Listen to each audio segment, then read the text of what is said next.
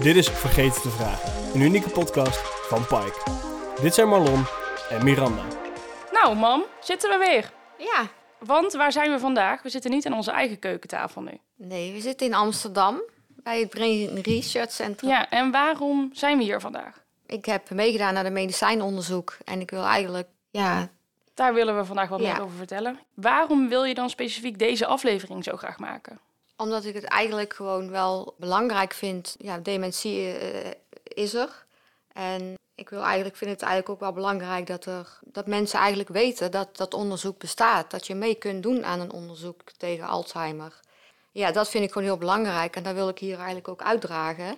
Ja, om, ja, om mensen daarover te in- te interesseren. Maar ja, en dan kunnen ze zelf misschien kijken wat ze ermee doen. Ja, en we zitten dus in Amsterdam en we zijn bij het Brain Research Center. En daar zijn we dus ook niet alleen. Want we hebben vandaag twee gasten voor het eerst. Jocht en Evelien. Zouden jullie je even kort voor willen stellen? Zeker. Eh, nou, mijn naam is Evelien. Ik ben eh, studiecoördinator bij Brain Research Center en ik heb Miranda ja, begeleid bij het onderzoek waar ze aan mee heeft gedaan. Ja, ik ben eh, Jort Vijverberg, neuroloog in het Amsterdam UMC. Ehm, maar ook in het Brain Research Center, waar ik dan eh, onderzoek doe naar medicijnonderzoek bij de ziekte van Alzheimer. En zo kennen we elkaar eigenlijk. Al, al een hele poos al. Ja, Ja, want wanneer was de eerste keer dat jij hier kwam, man? Sowieso twee jaar geleden, denk ik ongeveer. Toen deed ik voor het eerst mee aan een eh, onderzoek naar een medicijn tegen Alzheimer. Ja, en wat voor onderzoek ben je toen gaan doen? Hoe ging dat? Het, het onderzoek, hoe ging dat? Ja, ik moest hier natuurlijk, eh, het vindt dan plaats in Amsterdam. Daar kwam ik eigenlijk wel eh, zeer regelmatig. Ja, ik vind het een beetje moeilijk. Dat mag. Nou, toen jij de diagnose kreeg, toen was je 49. Ja. En toen zat je bij dokter Scheltens aan het bureau, of aan de andere kant van de tafel. En die zei, ik heb wat opties. Ja. Ja, ja, ik was toen natuurlijk nog een beetje te jong. En eh dan moest ik wachten tot ik een bepaalde leeftijd had. En dat vond ik eigenlijk heel vervelend. Want ik denk, ja, waarom? Waarom moet ik nou wachten? Want ik wil eigenlijk gewoon dat het gelijk door kan. Eh, maar ja, helaas werd, moest ik het protocol werd toch gevolgd. Snap ik ook helemaal wel. Ja, uiteindelijk was, het dan, wa- was ik dan 50 en is het eigenlijk eh, verder opgestart. Dus toen heb ik, ja, ben ik gestart met het meedoen aan een medicijnonderzoek. Ja, daar ben ik eigenlijk achteraf gezien heel erg blij mee dat ik daar aan mee heb gedaan. Ja, want waarom is het zo belangrijk dat mensen meedoen aan medicijnstudies? Ja, dat, dat is belangrijk omdat bij dit soort ziektes, hersenziektes, zoals de ziekte van Alzheimer, hebben we geen behandeling. Dus we kunnen eigenlijk niks. Dus dat merk je ook hè, bij de patiënten die ik zie of spreek. Dan krijgen ze een diagnose en dan is het vaak, oh nou, dat is het. Ga maar naar de huisarts of ga maar denken over de toekomst. Maar we kunnen niks. Het is best wel een moeilijke ziekte, het is complex hoe dat allemaal in de hersenen gaat en zit. Maar met medicijnonderzoek komen we wel achter hoe dat werkt, maar ook uiteindelijk naar een behandeling. Zodat je de mensen die die diagnose krijgen kan helpen. Al is het maar om iets te remmen. We willen natuurlijk dat het gewoon helemaal opgelost wordt. Maar iets vertragen, of dat het, het leven langer fijn is, of goede kwaliteit van leven geeft. Dat is het doel van medicijnonderzoek. Het ligt eraan inderdaad wat voor onderzoek je dan meedoet. Maar eh, het verschilt per wat voor medicijn je test en hoe intensief dat is. Bij u is dat eigenlijk best wel een intensief programma Ja. geweest. Ja, zeker.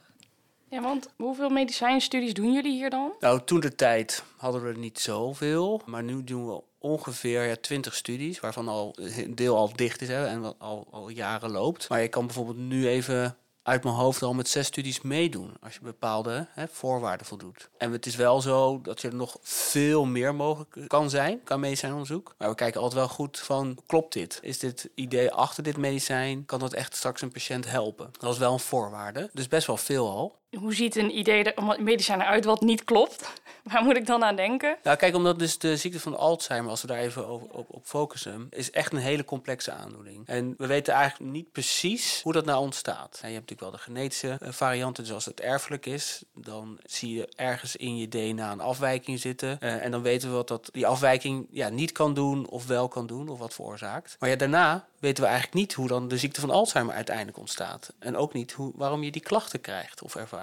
En dan kan er heel veel ideeën op loslaten. En sommigen denken van nou, dit is totaal de verkeerde kant op. Of dit klopt niet. Als je dit aanpakt, hè, dat eiwit, ja, dan zit je er helemaal mis hè, met de kennis die we hebben over de ziekte. tot nu toe. Dus dat is meer van die studies, ja, praten we dan mee of hè, verdiepen we dan ons in en dan denk ik van uiteindelijk, ja, dit is denk niet de weg die we moeten belopen. En hier wil ik mijn patiënten of deelnemers niet aan, aan blootstellen. Dus dat is een beetje de gedachte achter van dat er heel veel is wat we niet doen. Die mensen die mee, want je moet medicijnonderzoek, daar heb je participanten voor nodig, deelnemers. Je moet dat op iemand testen. Ja. Hoe werven jullie die mensen? Nou, heel veel komt vanuit het ziekenhuis vaak. Vanuit een pool die ze dan al hebben. Of hè, mensen die ze dan al in het ziekenhuis zien, de neurologen. Verder hebben wij hier in alle vestigingen een marketingteam zitten. Die daarover gaat. En een pre-screeningsteam. Eigenlijk mensen die zich dus willen aanmelden. Die kunnen, ja, ze mogen ook altijd bellen. Maar het is het makkelijkste via de website. Om dan even te lezen van, goh, kan ik me überhaupt ergens voor aanmelden? En dan kunnen ze zich aanmelden. Dan wordt gelijk zo'n privacy ja, akkoord gegeven eigenlijk voor ja, privacygegevens. Dat ze dus mee willen doen. En dan gaat het pre-screeningsteam eigenlijk kijken van, goh, voor welke studie komen ze in aanmerking? En daar wordt dan, vanuit daar wordt een kennismakingsgesprek gepland of, eh, ja, of al een screening. Dus het meeste komt denk ik vanuit het ziekenhuis of gewoon inderdaad van mensen die het horen via eh, websites. Vergeten te vragen de eh, podcast. Ja, Ja? podcast. ja, Zeker. ja. En, want jij komt ook vanuit het ziekenhuis, mam. Want jij kwam dus vanuit het VU hier, via het VU. Hoe, hoe is dat dan precies gegaan? Want ik, ik kreeg op een gegeven moment gewoon van jou te horen... ik ga naar Amsterdam en ik heb een gesprek. Maar wat, wat gebeurt er dan? Nou ja, dus dat is, kijk, het medicijnonderzoek, even uitzoomen van hè, wat wij hebben, samen hebben meegemaakt of hoe dat hier gaat, is altijd een interactie tussen hè, de patiënt, de deelnemer, de dokter en degene die nou, het medicijn heeft bedacht. Hè. Nou, dat kan een grote farmaceutisch bedrijf zijn of een kleiner, maar in ieder geval die dat wil onderzoeken of testen. Dat is een hele interactie en normaal gesproken doe je dat ook in het ziekenhuis of normaal gesproken, vaak gebeurt dat gewoon in het ziekenhuis. Dus kom je bij een dokter, die tref je dan. Nou, dan heb je eigenlijk gewoon waarom je daar zit, een diagnosegesprek. En dan is er vaak wetenschappelijk onderzoek. En dat wetenschappelijk onderzoek kan in het ziekenhuis. En soms ook medicijnonderzoek, maar dan is er maar één onderzoek in zo'n ziekenhuis. Omdat het best wel complex is.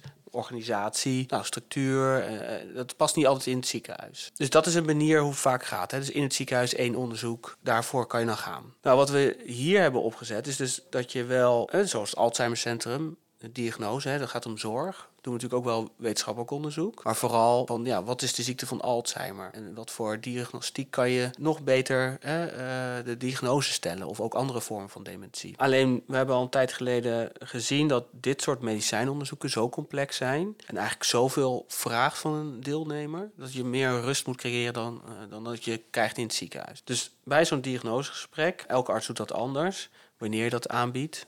Maar dan wordt in ieder geval een keer verteld, wel, je kan ook meedoen met wetenschappelijk onderzoek en ook met medicijnonderzoeken. En dan is het vraag van, ja, wil je dat? Zo ja, nou, dat kan dat hier. En dan is het eigenlijk dat je naar een andere ja, ziekenhuis of hè, onderzoekscentrum gaat. Dat is dan het Brain Research Center.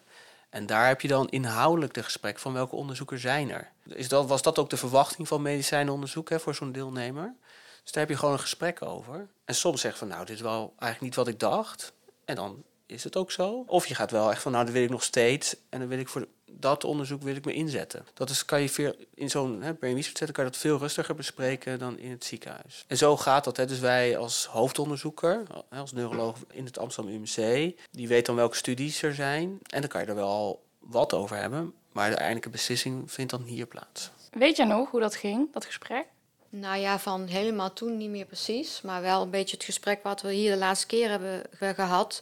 Over het Viviat-onderzoek, waar ik dan nu aan mee. Daar heb jij ook wel weer het, ja, uitgelegd wat, ja, wat, het, wat het, de- de studie inhoudt. Hoe belastbaar, hè, hoeveel belastbaarheid er is voor mij. Ja, Ja, Ja, u heeft al, al één hele nou, invasieve en complexe studie gedaan. Dus daarvoor kennen we elkaar al een tijd. Die studie is afgerond en blijkt toch wel ook positief te zijn. Hè? Maar soms, en dat is het complexe van dit soort onderzoeken... dan houdt soms zo'n onderzoek even op hè, voor degene die zich al heeft voor ingezet. En dan heb je op, eigenlijk opnieuw een gesprek van... ja, hoe is dat medicijnonderzoek bevallen? Hè? Waar zijn we tegenaan gelopen? Hè? Hoeveel energie heeft het uiteindelijk gekost? En toen hebben we besloten dat u nog steeds wil inzetten hè, voor dit, Ja. dit soort onderzoeken. En toen hebben we gezegd van ja, welk onderzoek dan? ja. Dus inderdaad, en dat soort gesprekken kan je ook helemaal aan het begin eh, krijgen. Ja, want mam, zou je eens iets meer willen vertellen over het onderzoek waar jij de afgelopen twee jaar volgens mij aan mee hebt gedaan? Ik bedoel, inhoudelijk? Nou, gewoon hoe dat voor jou was en wat dat dan betekende en hoe dat, wat dat onderzoek precies inhield. Ja, hoe heb ik dat beleefd? Nou, ik vond het sowieso... Het, had het was een beetje ook wel eh, een doel voor mij van... God, ik heb die Alzheimer, maar ik wil daar ook wel iets mee. En wat kan er dan? Dus daar ben ik ook wel... eh, inderdaad, hebben we daar natuurlijk over gesproken... en ben ik ook wel naar op zoek gegaan. En me erin verdiept. En ja, dat onderzoek was inderdaad, waar ik aan mee heb gedaan, heel erg intensief. Maar ik heb zo'n drijfveer om dat zeg maar daaraan mee te doen. Omdat ik het ook gewoon belangrijk vind voor zeg maar voor heel de wereld. Dat, dat er meer, ja, wat ik toen straks ook al zei, gewoon meer aandacht is voor het meedoen aan de studie. En dat dat gewoon ook niet heel spannend hoeft te zijn. Die ene studie is denk ik ook anders. Wat ik, waar ik nu maar mee doe is een hele andere studie als waar ik aan mee heb gedaan. Dus daar zit ook diversiteit in. En daar kan, dus, en er is volgens mij genoeg. En er is genoeg vraag. Dus ja. En waarom, want ik hoor jullie nu allebei al een paar keer zeggen: het was een hele intensieve studie. Waarom vond je die studie zo intensief? Nou, sowieso natuurlijk. Het, is, het was niet zeg maar gewoon een tabletje. Het was best wel een, een heftige behandeling. Ik weet niet of ik dat hier uh, moet uitleggen. Misschien dat de mensen nou wel afschrikken. Nou, ja, nu helemaal als je het zo zegt. wat deden ze dan? Want het is geen pilletje, dus wat was het dan wel? Nee, via het, uh, als ik het uh, goed vertel Via het uh, ruggenmerg werd er zeg maar hersenvocht eerst afgenomen en daarna kreeg ik een medicijn ingespoten. Ook via het ruggenmerg. Dat was wel gewoon intensief, want ik kreeg daar in het begin zeker wel last van. En dan was het vaak dat ik uh, ja, heftige hoofdpijn had. Het duurde meestal een dag of ja, drie, soms vijf. Maar dat wel gewoon heel de, de studie lang. Maar ja, weet je, dat heb ik er achteraf gezien ook echt voor over gehad. Want het was ook naar, naar ik voelde me hier ook zo op mijn gemak. Hè, dat ligt natuurlijk ook aan de mensen die er werken. Dus ik voelde me hier gewoon heel fijn. En ik had daar gewoon alle vertrouwen in. En ik vind nogmaals, vond het gewoon heel belangrijk. Wat doe jij dan bijvoorbeeld, Evelien, in dat proces van die studie? Ja, dat is natuurlijk heel divers, maar wij kennen elkaar natuurlijk ook al heel erg lang. En wij zijn natuurlijk begonnen met eerst zorgen dat je überhaupt mee kon doen natuurlijk. Want ik weet nog, toen, toen je nog geen 50 was, heb ik inderdaad gezorgd dat je op de wachtlijst kwam. Zodat je, oh ja. hè, zodat je ja, toch mee kon doen wanneer je 50 werd en niet dat die studie gelijk vol zat en dat ze mhm. niemand, ja, dat ze dan niemand meer zoeken. En de eerste paar keren zijn we natuurlijk, had je een opname oh ja. in het VU. Dus moest je een nachtje blijven. En toen zijn we inderdaad, nou, ik ben denk ik ook nog tot heel laat toen bij je geweest. Omdat we toen nog allemaal bloed moesten afnemen. Dat doe ik dan dus ook. Hè. Ik doe uh, de, de bloeddruk meten, de temperatuur. Ik kijk of je je goed voelt. Uh, ik zorg dat er bloed wordt afgenomen, dat dat naar het lab gaat. Met, uh, ja, met het hersenvocht, zeg maar. Dat breng ik dan ook naar het lab. Ja. En ik assisteer dan bij de ruggenprik. En zo, ja, doen we dat iedereen. Ben je niet altijd bang dat je zo'n buisje laat vallen of zo? Onderweg? Oh, jawel. jawel, jawel.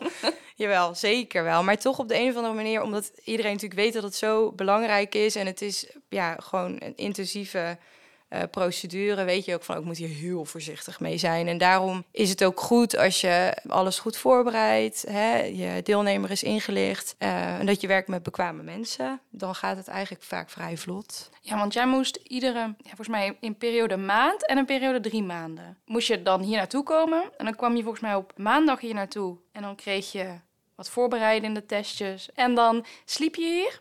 Ja. En dan kreeg je ochtends het medicijn. Dus inderdaad, eerst een beetje hersenvochten uit, dan medicijn erin. En dan moest je zo lang mogelijk plat. En dan mocht je naar huis en dan kwam je op woensdag weer terug, toch? Zo? Ja, zo was het wel, ja. ja. En hoe vaak heb je dat dan ongeveer gedaan nu? Nou, volgens mij had ik een keer gelezen dat er twintig keer een ruggenprik heb gehad. Nou, dus... Dus, dus ja, dan ben zo ik Zo voelt het zeker. maar nee, dus de eerste periode ja, krijg je een ruggenprik om te kijken hoe de eiwitten zich verhouden. Dus dat is eigenlijk een, een eerste prik. Ja. En daarna, als je dan allemaal mee mag doen met de studie, hè, met alles wat we gedaan hebben daaromheen, krijg je dus een ruggenprik waar je inderdaad wat afneemt en dan het medicijn inspuit. Mhm.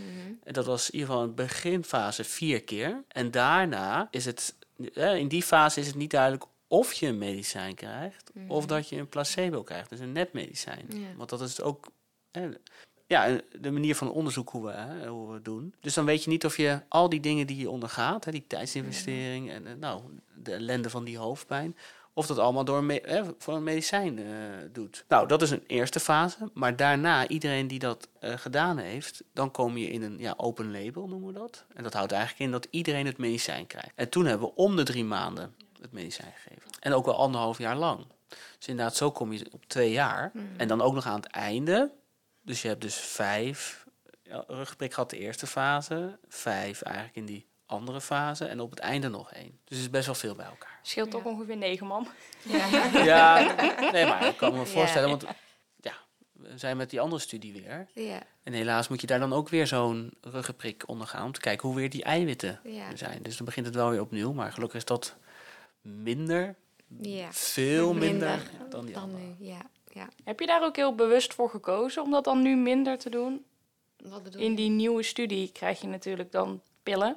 En dan hoef je niet iedere keer, krijg je niet het medicijn in je ruggenmerg Mhm. ingespoten. Heb je daar nu dan heel bewust voor gekozen bij dit onderzoek? Nieuw onderzoek. Ja, om dus een onderzoek nu te kiezen waar Nee, dat nee, niet nee. hoefde. Nou, bewust. Ik heb daar, we hebben het daarover gesproken, welke studies er zijn. En eh, in mijn situatie heb, ja, heb jij gewoon eigenlijk ook min of meer geadviseerd van... nou ja, dan zou ik voor, deze studie, voor die studie gaan waar ik dan nu onlangs mee gestart ben. Ja, het bijzondere van eigenlijk die gesprekken wa- eh, was er eigenlijk dat u eigenlijk met dit medicijn, want het is het eerste medicijn, dus via de ruggenprik, dat u daar eigenlijk mee door wilde. Ja. Dus elke drie maanden een ruggenprik, dat woog op tegen alles wat er omheen was. Daar hebben we het natuurlijk ook over gehad. Dus Ja. eigenlijk zouden we met dit medicijn door willen. Nou, dat Ja. is helaas ook deels van het onderzoek doen. Dat ligt ook uit onze handen, dus Mhm. dat kon niet. En toen hebben we wel gesprekken gehad van ja, gaan we dan nog zo'n intensieve studie in of doen we wat rustiger aan? Ja, En toen hebben we besloten om wat rustiger aan te doen. Maar nog steeds, hè, wat u al eh, zei, dus die, die motivatie van, eh, van u om bij te blijven dragen. ja. eh, dat we deze studie zijn eh, hè, besloten om te doen.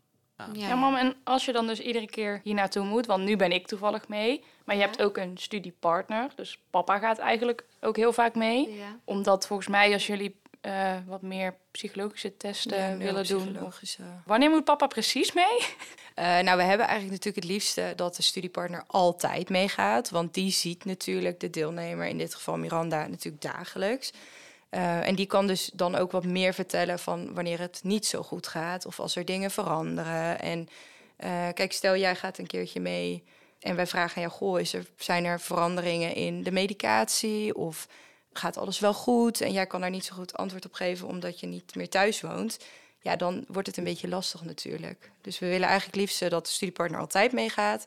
Maar als het niet kan, ja, dan echt alleen maar op de dagen dat er neuropsychologisch onderzoek, zowel bij de deelnemer als bij de studiepartner, gedaan moet worden. Ja, precies. Dus ik ben nu toevallig mee omdat dat dus vandaag niet hoefde. Dus vandaag heb je alleen het neurologisch onderzoek gehad. En dan rij ik mee. En volgens mij heb je dus wel vaker mensen die, die meerijden. Regel je dat altijd zelf? Ja, meestal wel. Dan ga ik een beetje een rondje bellen.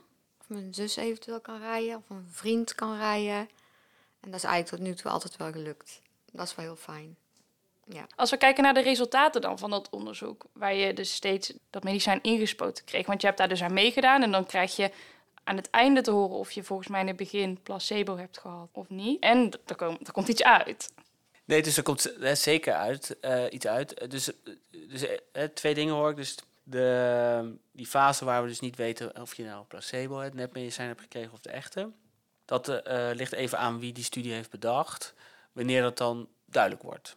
En die resultaten zijn we ook altijd afhankelijk van diegene die de studie heeft ontworpen. Maar omdat we daar toch wel best wel altijd dicht tegenaan zitten of, of veel gesprekken mee hebben, horen we altijd wel al snel wat eruit komt. Maar dat is altijd best wel strikt. Hè? Dus iedereen moet door die studie he- he- heen zijn gekomen. Die data, even zo genoemd, die moet echt afgesloten worden. En dan moet het plan wat vooraf bedacht is om die, nou, die data te bekijken, dat wordt, moet uitgevoerd worden. Nou, daar kan best wel een tijd overheen gaan. Dus dat is niet binnen een dag gedaan. Nee, ja, dat zou je denken, hè, want je hebt de data, je, je drukt op een knop en Ja. er komt een antwoord uit. Zet je even in SPSS Ja. en dan... Nou ja, dat zo, Run die zo voelt het altijd wel. Maar, dus dat, dat, dat is altijd even afwachten. Maar wat we nu wel... Hè, er komt binnenkort een, ook een, een, publicatie uit in een, een Nature Medicine. Dus dat is best wel hoog. Daar hoort u bij eigenlijk. Ja. Eh, en daar worden de eerste resultaten al bekendgemaakt. En daar zie je dus... Als we even teruggaan naar de ziekte van Alzheimer. Dat heb je natuurlijk het Alzheimer-eiwit, het amyloïd. En je hebt het tau-eiwit. Dat zijn de twee nou, grootste boosdoeners, denken we.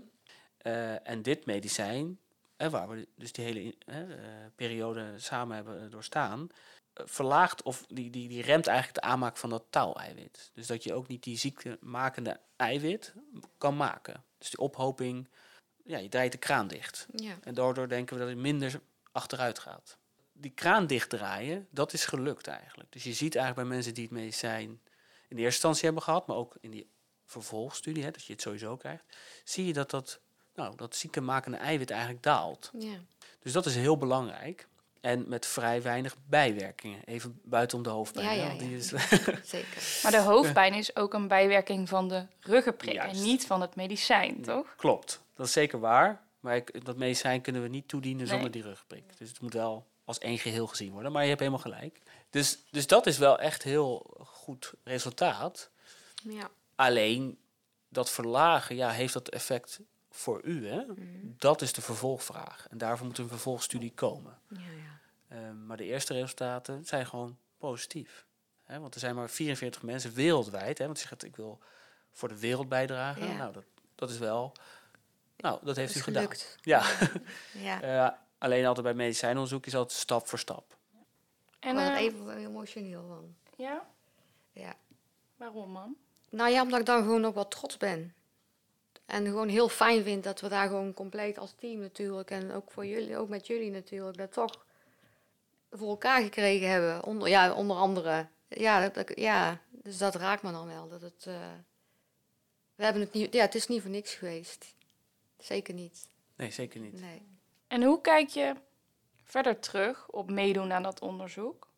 Als je het nu zo weer allemaal gehoord hebt en dan ook die resultaten en wat dat ook allemaal weer betekende. Nou ja, ik heb er geen spijt van. Ik zou het zo weer doen. Ik ben nu weer bezig. Ja, met, hè, met, met een nieuw onderzoek. En die is dan wel inderdaad hè, iets minder intensief. En we moeten gewoon weer naar Amsterdam, maar dat gaan we doen we gewoon. En ja, dat is gewoon heel fijn dat ik dan inderdaad, wat we net ook vertelden, toch een aantal mensen om me heen heb die dat ook mogelijk maken. Ja, nogmaals, ik vind het gewoon heel belangrijk. En het is mij echt mijn drijfveer om dit gewoon te doen. Ja. Wat voor tips of adviezen zou je mensen dan geven die misschien nu daar nog over twijfelen of die in dat proces zitten met de diagnose en ja, eventueel ook mee zouden kunnen doen? Nou, ik denk eh, in, ja, informatie inwinnen. En we hebben hier een gesprek. Nou, misschien is dat aanleiding dat je denkt van... God, vind ik al interessant, wil ik meer over weten? Of heb ik wel belangstelling voor? Nou, stel dan niet uit, maar eh, doe er iets mee. En waar moeten we dan zijn, Evelien? Eh, op onze website www.brainresearchcenter.nl. Onder andere. Ja. Ja, of ze mogen ons een mailtje sturen of een berichtje. Want volgens mij vertel je daar heel graag over. Ja, omdat ik het zo belangrijk vind. Ja. En hoe, hoe kijken jullie erop terug? Op die periode nu met mama, dat eerste onderzoek. Oh, dat eerste onderzoek. Nou, ik, ik vond het wel... Ja, ik, het staat me ook nog heel goed bij natuurlijk. Vooral omdat je zo jong bent, was toen ook. En omdat je ook een van de eerste was die toen mee ging doen. Eh, nou ja, en goed, hè, je hebt een beetje de leeftijd van mijn ouders. En jij bent natuurlijk even ouder ja, als ik, eh, ongeveer, eh, Marlon. Dus ja, dat doet dan ook wel weer iets met je. Dus ik vond het ook wel heel belangrijk om dat dan goed, gewoon goed te begeleiden. En ik, in het begin was het natuurlijk ook allemaal best wel spannend, denk ik. Dus ja, ik vond het wel, ja, het was pittig, maar het was wel een hele mooie, ja, mooie begeleiding, denk ik zo. Ik, dat vroeg ik me inderdaad ook nog wel af. Want wij maken deze podcast omdat wij merken dat mensen mama ja, op een gegeven moment toch wel een beetje gingen mijden of vragen niet durfden te stellen. Eigenlijk op het moment dat jij de diagnose Alzheimer of de dementie kreeg, durfden mensen gewoon niet meer echt jou aan te spreken en jou te vragen hoe gaat het met je of wat ben je aan het doen. Of gingen ze mama echt wel mijden op sommige momenten, mensen die dat heel lastig vonden.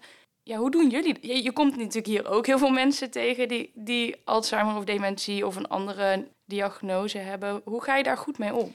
Nou, wat ik altijd doe, is in ieder geval gewoon als je dingen wil vragen of wil weten, vraag je het eerst aan de persoon zelf. En dan merk je wel of iemand het echt niet weet of dat ze het toch een beetje moeilijk vinden om antwoord te geven. En dan kun je eventueel zeggen van, goh, ik ga het heel eventjes aan je man vragen of even bellen. Of, oh joh, maakt niet uit als je het niet weet, ik stuur wel even een mailtje. Een beetje zo, maar ik denk dat iedereen zijn eigen manieren daarin heeft om daarmee om te gaan. Maar ik denk dat het vooral ja, belangrijk is dat je degene met de dementie gewoon in zijn of haar waarde laat. En het, ja, diegene ook zo behandelt zoals je ieder ander zou behandelen of benaderen. Voel je dan ook wel eens dat ongemak wat mensen dus blijkbaar wel eens voelen? Ja, ik niet. Maar misschien is het omdat ik natuurlijk hier al eh, een tijdje werk. En omdat, eh, ja, Nou, het kan dus wel, man. denk ik, ja. Nee, nou, maar voel, voel je dat dan wel, dat ik je anders benader? Of is Nee, of helemaal niet. Nee, toch? Nee, helemaal niet. Nee. Nou, gelukkig. Ja. dat is goed dan toch? En, en hoe is dat voor jou? Ja, kijk, het heeft natuurlijk verschillende lagen, hè, dat probleem. Want het is gewoon een probleem. Ja, Kijk, op persoonlijk niveau is het gewoon, je moet gewoon de mens blijven zien.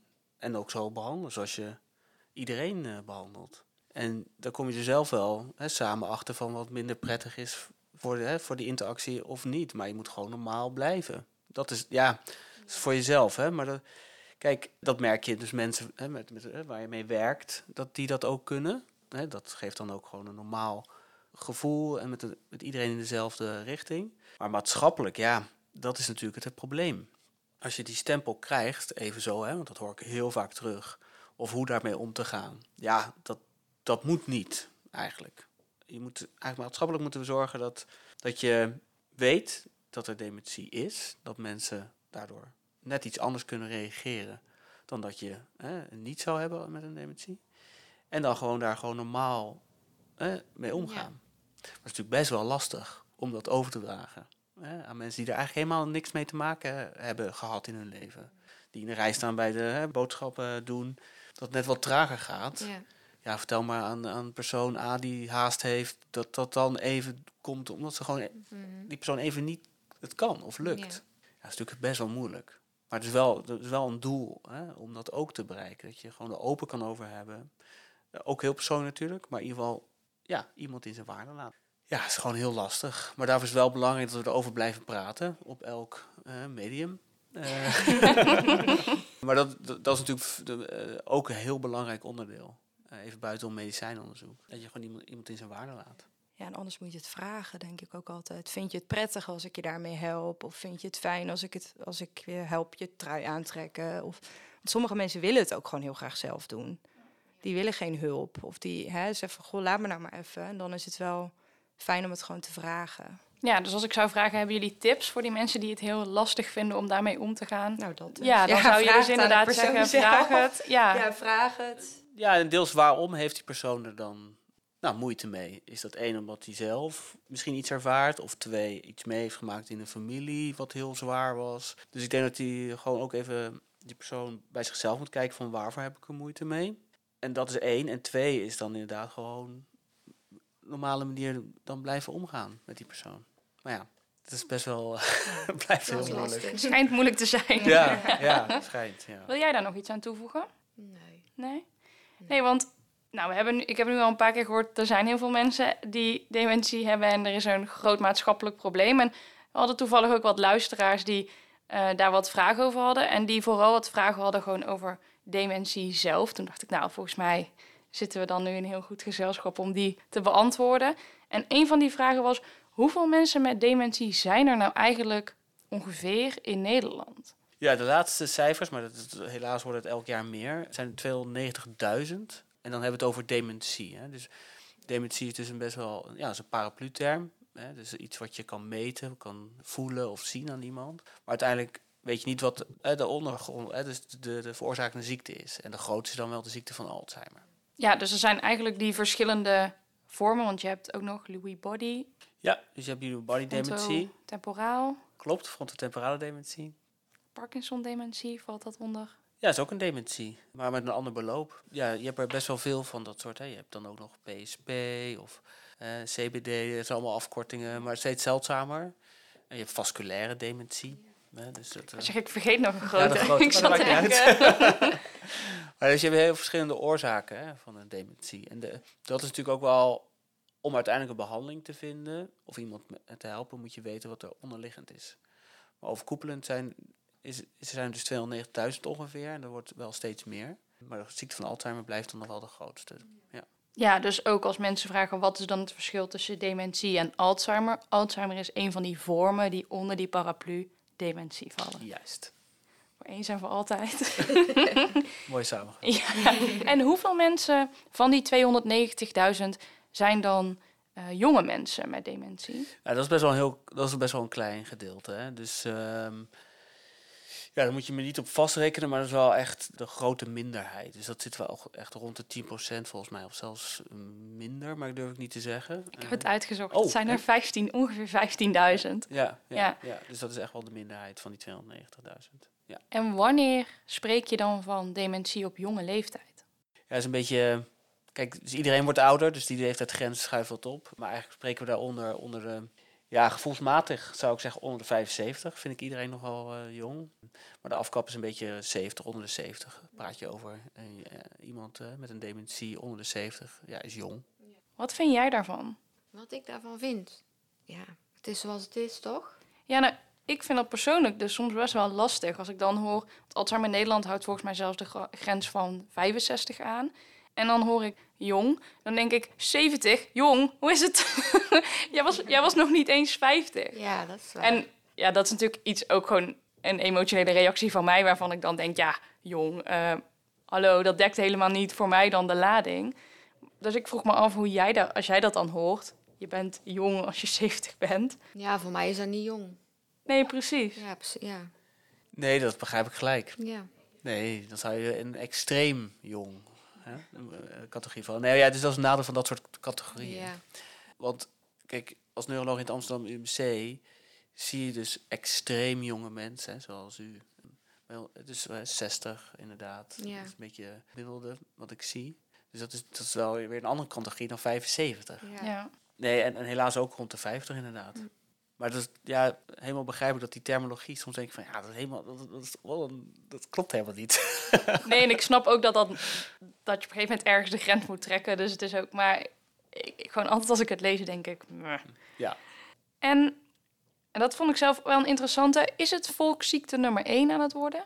Dementie? Ja, kijk, en dat is altijd een beetje eh, van een grotere schaal gezien, eh, schuift die wel op. Hè? Eh, je hebt vroeger gingen we door infectie dood. Hè? Eh, dan, nou, dat kunnen we met antibiotica redelijk goed behandelen. Ja, nu ja. Dan ging je aan de hart- en vaatziekte dood, even zo gezegd. Maar de cardiologen hebben ook eh, veel bereikt door ook medicijnonderzoek, hè, tegen cholesterol, bloeddruk, et cetera, om, om die ook te overleven. We hebben natuurlijk nog wel, hè, kanker blijft natuurlijk best wel ook een Ja. groot probleem, waar natuurlijk ook heel veel onderzoek naar wordt gedaan. Maar dementie, ja, dat schuift ook op. Hmm. Maar je moet altijd wel, kijk, het is gewoon een hele belangrijke, eh, waar iemand indirect aan overlijdt. Maar of het nou nummer 1 of 2 of 3 is, het is gewoon een groot probleem. Ja, precies. Het is gewoon een groot probleem. ja. En, en je zegt al, nou, de cardiologen bij het hart- en vaatziekten, die hebben al behoorlijke stappen gemaakt. Hoe gaat het dan in de stappen in het onderzoek naar de oplossing of een verlichting van dementie? We hebben natuurlijk het er net al een beetje over gehad, maar als we dan naar het grotere plaatje kijken. Ja, zijn we nog heel traag. Ja, dat blijft. Maar dat komt omdat we toch met een hele complexe or- orgaan eh, bezig zijn, de hersenen. Dus dat er gaat, lopen we achter op, hè, op het kankeronderzoek of hart- en vaatziekteonderzoek. Qua, qua management, maar ook qua behandeling. Mm. Nee, dus daarvoor blijft het nog steeds heel belangrijk dat we met z'n allen daarvoor inzetten. Ja. Op elk veld van wetenschappelijk onderzoek. Maar wat hebben we daar dan voor nodig? Meer geld, meer mensen? Ja, beide. Dat is eigenlijk. nou ja, dus kijk, ja, daar komt het altijd op neer. Hè? Meer geld, meer mensen. Dat blijft. Ja, en dan mensen in deelnemers of mensen in artsen? Of... Onderzoekers, eh, wetenschappelijke onderzoekers. En voor bepaalde onderzoeken dus ook deelnemers. Dus eh, ja, met z'n allen eigenlijk het voor elkaar krijgen. En dus, kijk, dat kunnen we binnen Nederland hè, organiseren. Maar eigenlijk wereldwijd is natuurlijk dat heel belangrijk. Ja. Maar is dementieonderzoek op dit moment dan ook nog niet zo sexy? Of... Ja, als je die terminologie, ja, dat vind ik wel. Maar Weet ik niet. Ik bedoel, ik, misschien vinden klinkt cardioloog spannender dan neuroloog. Of is dat een ding? ja, het is ook een slag mens. Nee, ja, dat vind ik lastig om te beantwoorden. Is Ja, het weet ik niet. Is het sexy genoeg? nou ja, ik vind het van wel, maar eh, zo kan je het wel bekijken. Als je het even niet als neuroloog bekijkt, dan kan je zeggen van ja, het is ja, lastig, veel tegenslagen, ehm, dus minder sexy. Ja. Nou, ik heb het gewoon voor elkaar gekregen om joch te laten zeggen sexy. Ja. Nou, dat waren in ieder geval de vragen die onze luisteraars ons hebben gesteld. Heb jij nog vragen die je wil stellen? Ik- Had ik vragen, Marlon? Nou, we hebben volgens mij alles wat hier staat nu wel redelijk afgetikt. Maar misschien nog iets wat je heel belangrijk vindt om te benoemen... of wat je nog wil vragen aan Jocht of aan Evelien. Nee. Ik Nee. denk dat ik er wel doorheen ben. Met hetgeen wat ik eh, belangrijk vind om te weten. Zijn er nog dingen die wij niet gevraagd hebben, onze luisteraars, waarvan jullie zeggen, die wil ik nog heel graag toch nog even toelichten, of benoemd hebben, of gezegd hebben? Ja, ik was eigenlijk wel benieuwd. Wist je eigenlijk dat er medicijnonderzoek was überhaupt voor dementie, Alzheimer, voordat je er zelf aan begon? Nee, want ik heb het gewoon, toen ik de diagnose kreeg van eh, professor Scheltes, die heeft toen, ja, toen begon, we hebben het daar wel over gehad. Ja. Maar toen zei hij al meteen dat ik lang moest, nog even moest wachten tot ik 50 was. Ja, jij kwam thuis met een soort van... Aan de ene kant inderdaad van, nou, maar het zit niet goed, zei je toen. Ja. En een soort van map onder je arm met alle dingen die je, waar je aan mee zou kunnen gaan doen. Oh ja, ja. Het ja, was wel ja. heel duidelijk van, dat ze meteen zeiden... Je, want jullie hebben ook volgens mij een vestiging in Den Bosch. En dat is natuurlijk wat dichter bij Tilburg. Dus het was in eerste instantie van... oh, je kunt dan in Den Bosch mee gaan doen aan onderzoek. En dat hebben wij meteen meegekregen. Volgens mij had je een paar weken later... hadden, hadden ze daar meteen een afspraak voor ingepland. Ja, dat klopt. En jij wilde... En toen zei hij... Nou, we, we weten met... Nou, al de medische dingen die jij net hebt uitgelegd, Jort. We hebben hele hoge verwachtingen van het direct inspuiten van een medicijn in het ruggenmerg. En toen zei jij, dan wil ik die, dan gaan we naar Amsterdam. Nee, en toen heb ik het ook gevraagd in... eh, heb ik het ook gevraagd aan eh, professor Scheltes. Wat ik ook, die vraag heb ik jou ook gesteld met dit onderzoek. Als je zelf in die fase zit of meemaakt, eh, wat zou jij dan doen? Ja. Moeilijke vraag, hè?